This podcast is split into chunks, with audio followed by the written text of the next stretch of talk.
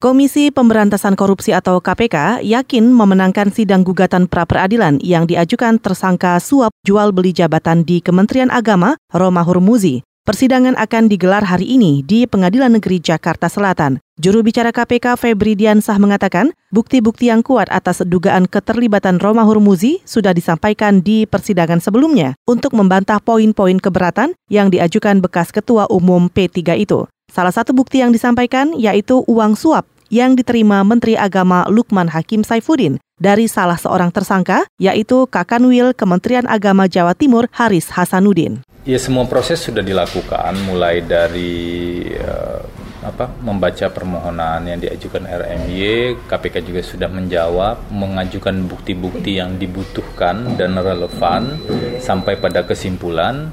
Tinggal kita tunggu besok uh, putusannya bagaimana. Yang pasti KPK sebagai institusi penegak hukum tentu berangkat dari posisi uh, percaya dan menghargai uh, pengadilan yang independen dan imparsial. Jadi kita tunggu hasilnya. Itu tadi juru bicara KPK Febri Diansah. Sebelumnya, tersangka Roma Hurmuzi mengajukan gugatan pra-peradilan atas sangkaan terhadap dirinya dalam kasus suap jual beli jabatan di Kementerian Agama. Roma Hurmuzi menuduh KPK melanggar prosedur dan penetapan status dirinya sebagai tersangka tidak sah.